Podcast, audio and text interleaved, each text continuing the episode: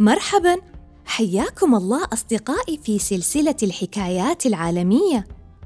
منذ قديم الزمان عرفت القصة التي تفوز فيها السلحفاة في السباق ضد الأرنب. ولكن نهاية قصتنا مختلفة.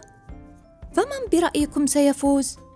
لنستمع إلى القصة ونعرف ما حدث في ذلك اليوم.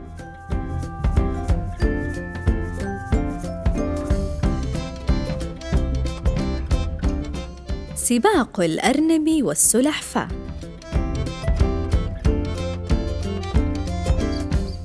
كان يا مكان في قديم الزمان. عاش أرنب وسلحفاة في الغابة.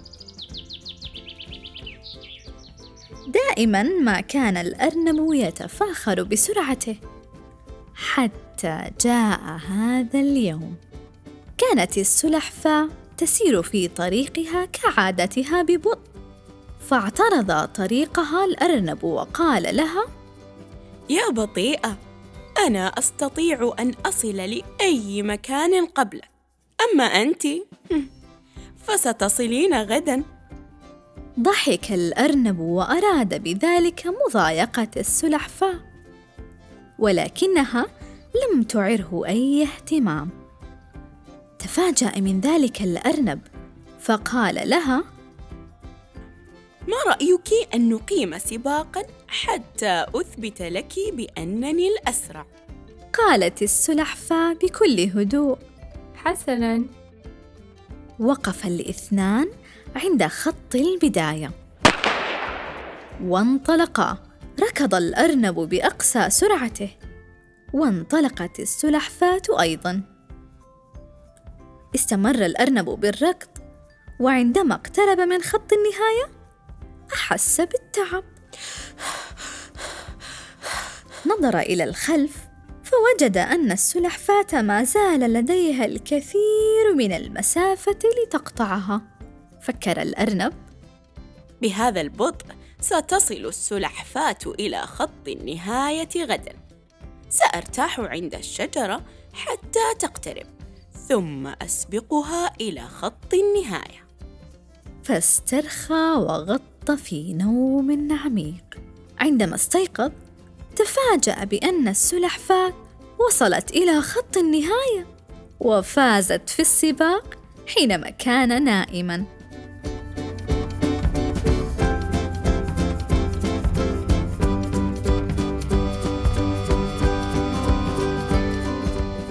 لم تنتهي القصة هنا.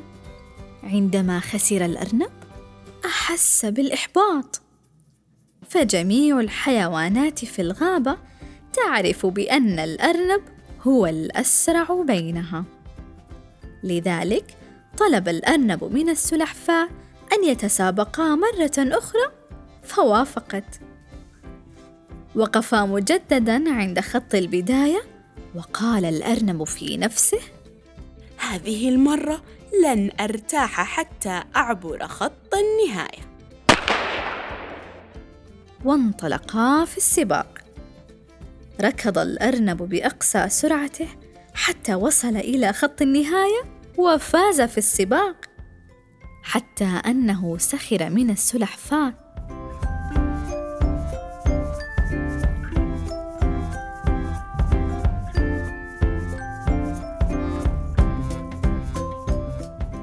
لم تنتهي القصة هنا.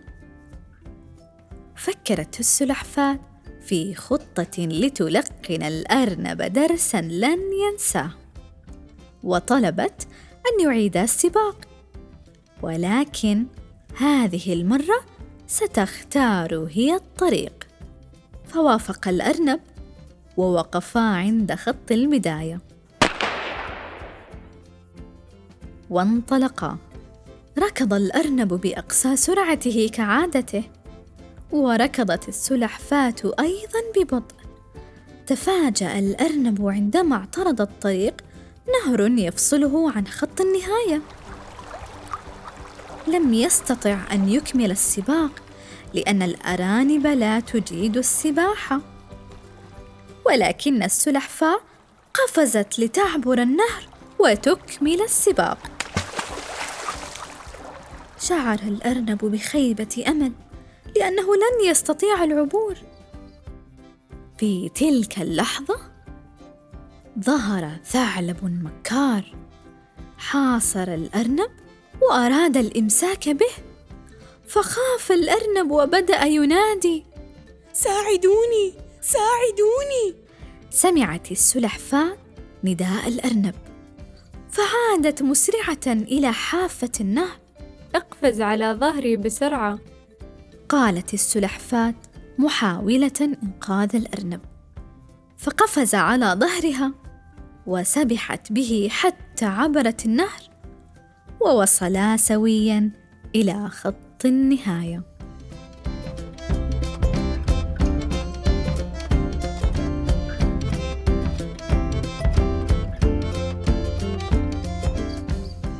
أصدقائي بعد سماعنا لحكاية مليئة بالتحدي.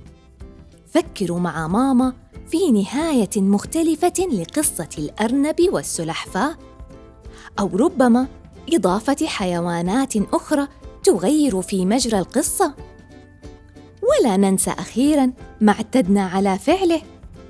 هيا فلنحضن أنفسنا ونردد. أنا مميز. أنا مفكر. أحب نفسي. وفخور بها. أنا قارئ اليوم. أنا قائد الغد. شكرا لكم على حسن استماعكم. نلقاكم مجددا في بودكاست معا مع أمي من إثراء. دمتم في رعاية الله.